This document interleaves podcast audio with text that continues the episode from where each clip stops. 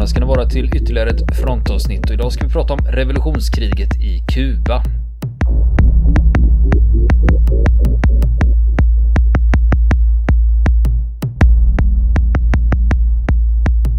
Sen hade armén en ny plan när det gällde hur man skulle besegra Castros gerilla. Det var att man låg ju fortfarande norr om bergskedjan och att man, man skulle retirera. Och då räknar man med att ja, men då rycker gerillan fram och ut på slätterna. Och då lägger vi soldater i bakhåll där. Så när de kommer ut så gör vi en kniptångsmanöver, innesluter dem och så tar vi dem. Just det. Och det som händer är att armén retirerar, rebellerna rycker fram och de anfölls. Och de omringades och 70 man stupade i det här slaget. Och det var fler armésoldater som var på väg dit, men då var det en liten gerillagrupp med, eh, som var ledd av Che Guevara som lyckades stoppa den här förstärkningen på 1500 man. Men gerillagruppen då, som var omringad av armén, jo, Castro lyckas förhandla sig till ett vapenstillestånd Alltså, och lyckas få ut sina soldater och rädda situationen på det viset. okej. För annars hade ju den blivit Ja. tillintetgjord. Det var ju Ja. inte så många gubbar de hade med sig. Ja. Men vid det här laget så får man inte glömma att armén här, de är trötta, de är demoraliserade. Och planen från Castro, det var inte nödvändigtvis att besegra armén i strid, utan snarare att försöka få dem att ansluta sig till hans grupp. Just det. Och vid den här tidpunkten så konsolideras motståndet på Kuba och fler grupper sluter upp bakom Castro. Men sen är vi framme vid hösten 1958. Då tog sig gerillan ut på slätterna med Castro som ledare med sina kommendantes. Och de han hade med sig som befälhavare där, det var Ernesto Che Guevara och det var hans brorsa Raúl Castro. Och sen även Camilo Cienfuegos. Som, eh, eh, och just om man pratar om Castro, Guevara och Cienfuegos, de tre, de hyllas idag i Kuba med liksom nästan religiösa övertoner, den här treenigheten. De förekommer ofta på statyer och deras namn dyker upp överallt. Just det. Och dessutom, både Cienfuegos och eh, Guevara är ju döda. Mm. Så eh, de har ju nästan martyrstatus idag. Va? Just det. Framförallt Che Guevara då, som är någon, nästan Jesusfigur i Kuba. Ja. Gerillan är ju fortfarande i numerärt underläge. Och här är en historia om att tro på sig själv. För när de då drar sig ut från bergen och ska ut på slätterna. Cienfuego, han har 82 man. Och han skulle ta regionen Pinar del Rio på västra Kuba i andra änden av landet med 82 man. Che Guevara, han hade med sig 148 man och han ska ta den centrala provinsen La Villas. De skulle ta halva Kuba med 230 man. ja. Där snackar vi självförtroende. Ja, men då, då, får man, då tänker man, då kan vi förklara att en sån här grej kan bara genomföras en gång i hela världshistorien. Att en sån liten rebellstyrka lyckas störta en regim av den här storleken. Och det berodde på att Batistas regim, den vacklade redan. Ja. Armén, de var inte så intresserade av att slåss och befolkningen var också trötta på Batista. Och dessutom förlorade han ju sitt stöd från USA. Och då behövs det inte så stor knuff för att liksom välta landet. så landet var redan Det var i skapning. Ja. Eh, då behövde du inte Nej, bara visa tillräcklig beslutsamhet och snabbhet där så.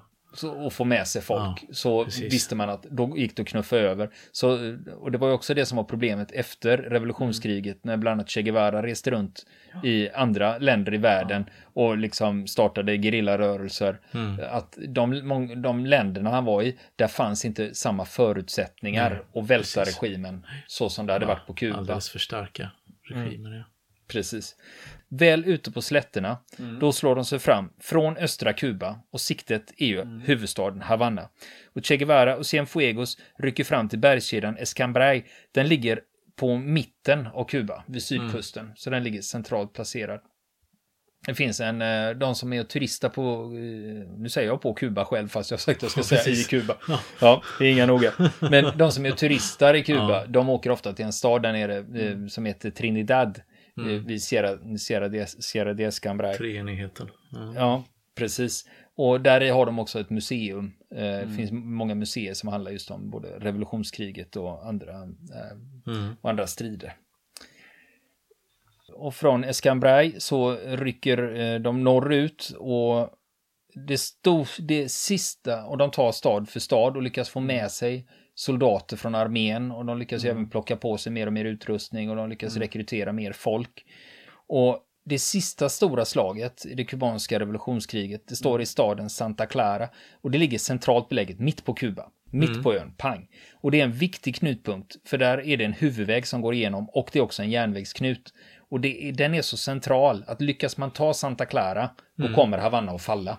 Ja. Så det är liksom nyckeln till hela landet. Och det är Che Guevara som leder det här anfallet.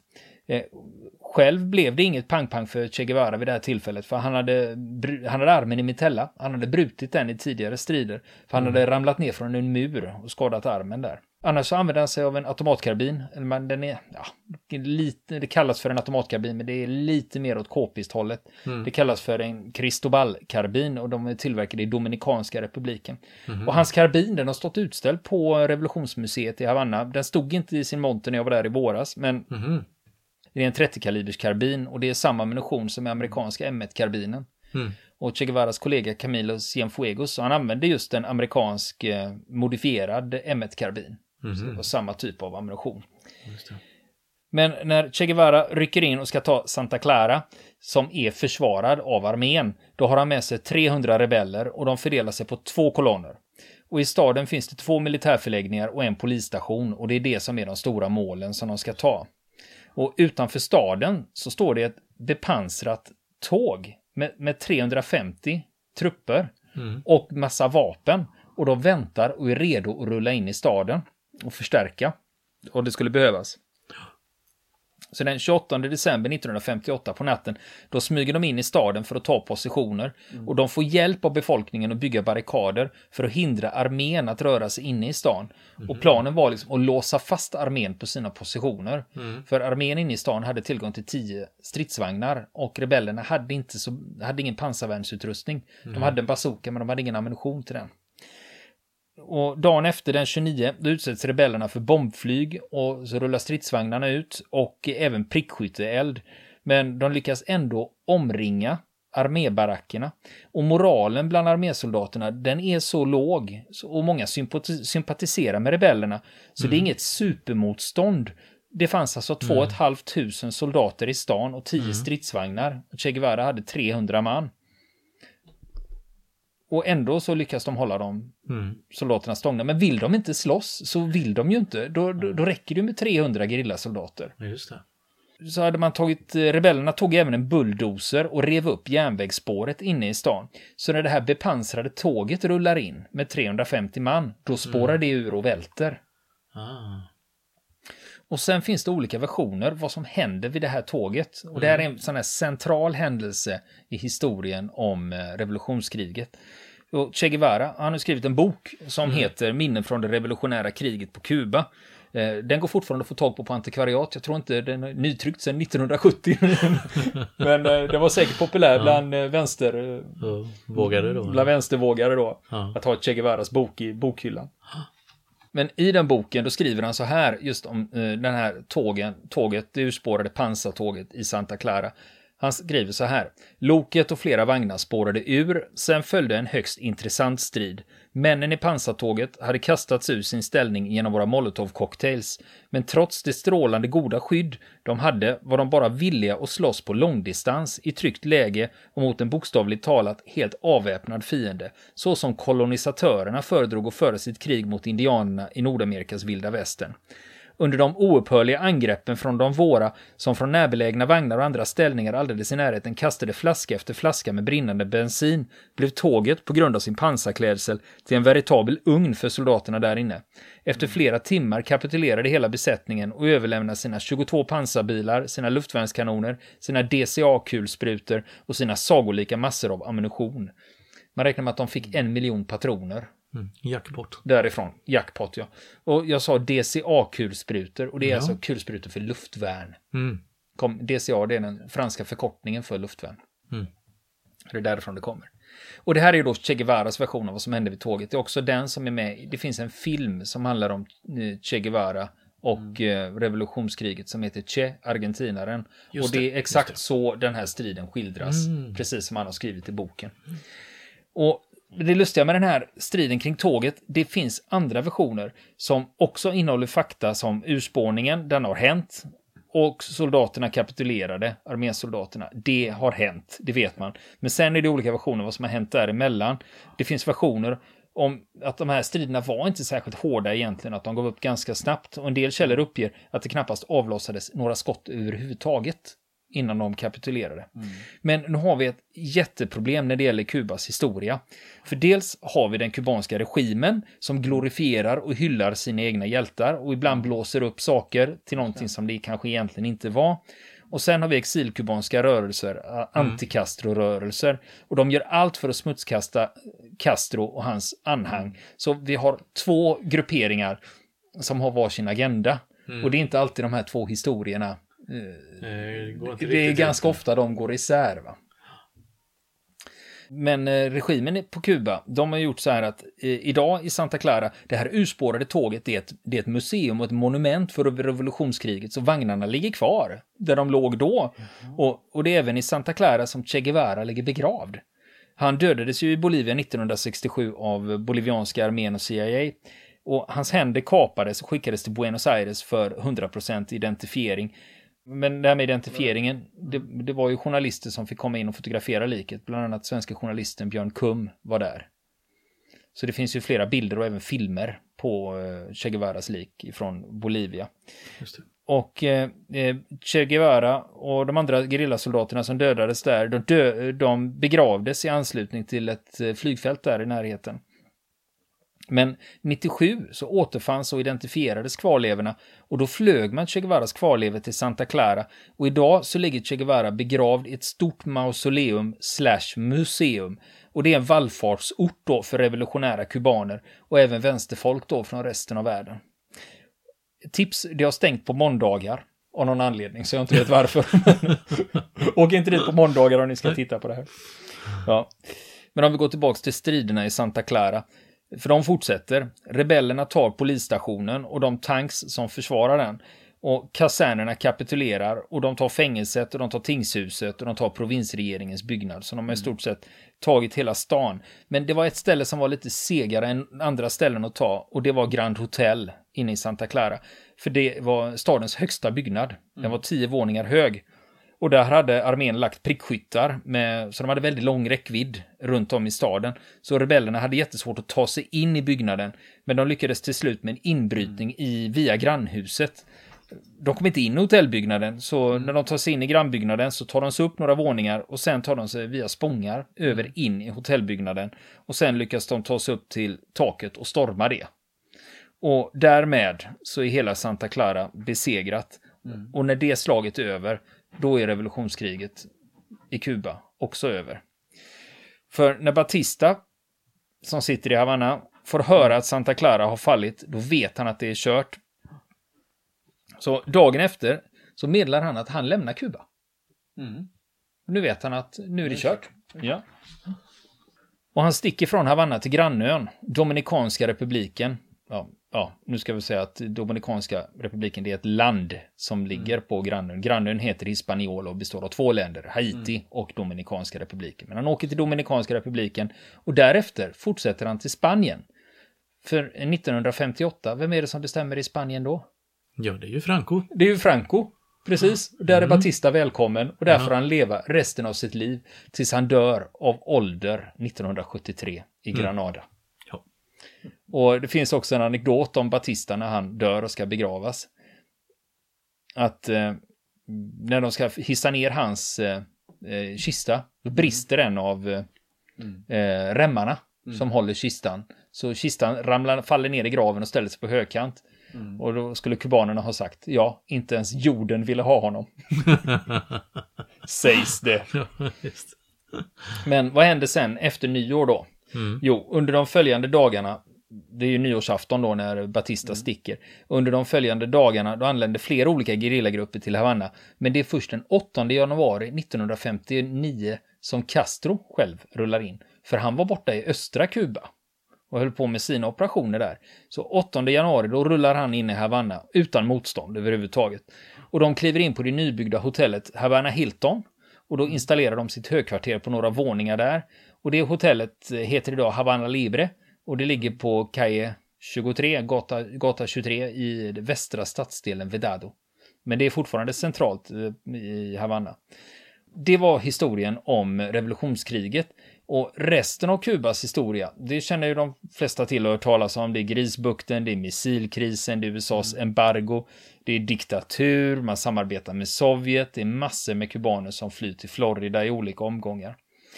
Och idag så har Fidel Castro tagit ett steg tillbaka från makten och Kuba styrs ju idag i praktiken av hans lillebror Raúl istället.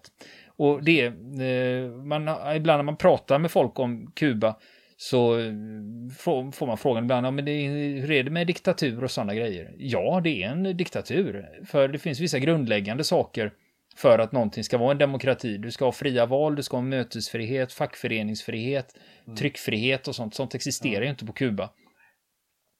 Men där är det också lite typiskt diktaturer att de säger, jo men vi har fria val. Ja. ja vi har ju, de har ju personval och ja. du får rösta på vem du vill förutsatt att de är medlemmar i kommunistpartiet. Mm. Och samma okay. sak, du får även arrangera möten förutsatt att det inte är kontrarevolutionärt. Mm. Men, och det är, sa, ja, och det är, samma, det är samma sak med tryckfriheten. Ja, man har mm. tryckfrihet förutsatt. Mm. Säga vad du vill, bara du säger bara det, det säger de. I, och de har ju ett partiorgan mm. som heter Grandma. Och det är ju mm. döpt efter den här båten. Mm. Som, de kom till, eh, som de kom till Kuba med. Mm. Och den står ju inne på, de har byggt en speciell glasmonter för den här båten vid, utanför revolutionsmuseet i Havanna. Så går man förbi där så ser man båten, den står i ett stort jävla akvarium. det allmän beskådan där. Ja, ja. Och den här partitidningen Grandma, där skriver eh, Fidel Castro själv ibland. Och mm. han, i somras på sin 90-årsdag, då skrev han själv en hälsning till kubanerna. Han tackar för alla presidenter och gratulationer. Men samtidigt så passar han på att ge en känga till USAs president som vid sitt besök i Japan inte bad japanerna om ursäkt för bombningarna av Hiroshima och Nagasaki. Men han avslutar inte artikeln med någon av de vanliga slagorden som man brukar använda i sina tal. Och det är socialismo och muerto, alltså socialism eller döden. Eller vence, venceremos, vi ska segra. Det är så han brukar avsluta sina tal, men han avslutar inte den här artikeln på det här viset. Och eh, när vi pratar om Castro, eh, han, det finns uppgifter om att 734 attentat mot hans liv ska ha planerats. Gud. Och eh, närmaste gången eh, Fidel Castro blev intervjuad 2004 mm. av filmaren Oliver Stone. Mm. Som var det. i Havanna och, hade, mm. och fick eh, audiens med Castro. Då berättar Castro själv om eh, de olika attentatsförsöken och bland annat det närmaste man har kommit det var eh, ett CIA-attentat där man hade lyckats smuggla in en cyanidkapsel till personalen, till en person som jobbade på hotellet Havana Livre. Mm. Och det var nämligen så att Castro brukade gå dit och dricka milkshake. Ja, så var det en servitör som skulle smussla ner den här cyanidkapseln i, i Phil Castros milkshake.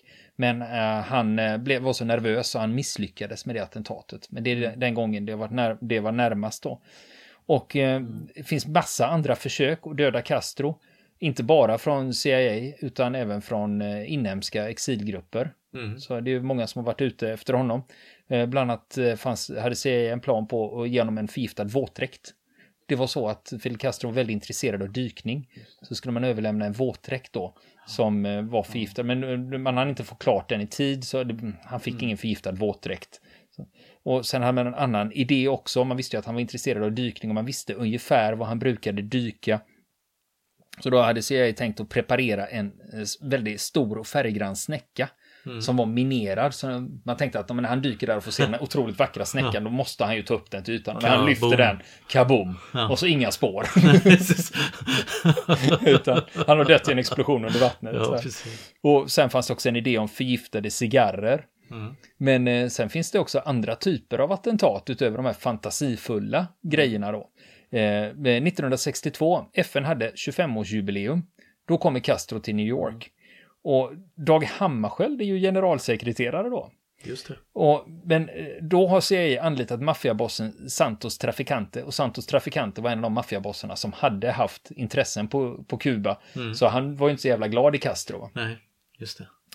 Han har då anlitats för att döda Fidel och han har i sin tur lejt en mördare då. En hyrd mördare som ska skjuta Fidel på ett lyxhotell i New York där Fidel Castro ska bo. Mm. Så det är liksom så de har riggat det och det finns 150 000 dollar i potten till mördaren om han lyckas. Men då inträffar det en grej. Mm. När Fidel Castro kommer med sitt gigantiska anhang till hotellet. Han har med sig 50 egna säkerhetsvakter och han har 258 New York-poliser med sig som ska ansvara för hans säkerhet. Poliserna är inte invigda i de här mordplanerna överhuvudtaget. Utan han kliver in på det här lyxhotellet och säger ja, vi ska checka in här och de brukar i normala fall ha en våning då. Ja. Så här, nej, de nekas rummen. Hotellet kräver förskottsbetalning. Och det berodde på att kubanerna hade nationaliserat all amerikansk egendom på Kuba. Ja. Alltså hade de stulit det, så det fanns Mm. stämningsansökningar på Castro i USA. Så att när han kliver in på hotellet, då, då duger inte hans kredit så att säga. Nej. Utan de kräver en förskottsbetalning för Castro och hans, hela, hela hans anhang. Och han blir rasande och tar hela sitt sällskap och poliserna som tilldelats honom eh, och drar till FN för att protestera för Dag Hammarskjöld då och säga så hur fan kan ni behandla mig på det här viset?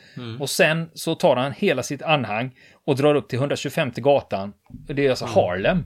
Mitt, och det här är 19, 1962. Då är Harlem en väldigt, väldigt segregerad stadsdel. Där bor bara svarta. Vita vågar inte visa sig i Harlem vid den här tiden.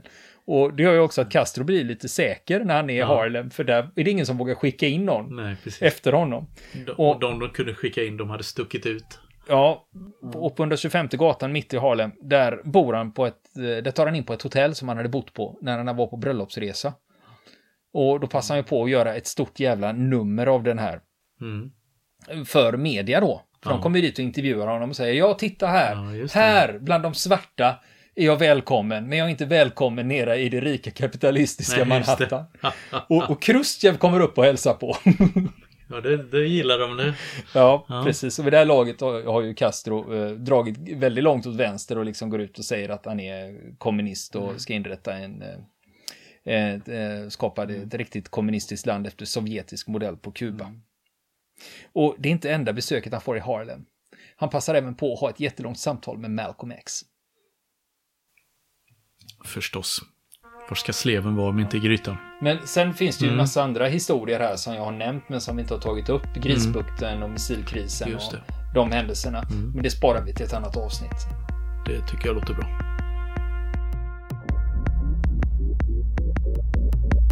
Vill ni komma i kontakt med oss så kan ni göra det via vår Facebook-sida som heter Fronten. Det är inga problem för er att leta er fram där. Eller också så mejlar ni på vår mejladress och det är frontenpodcast@gmail.com.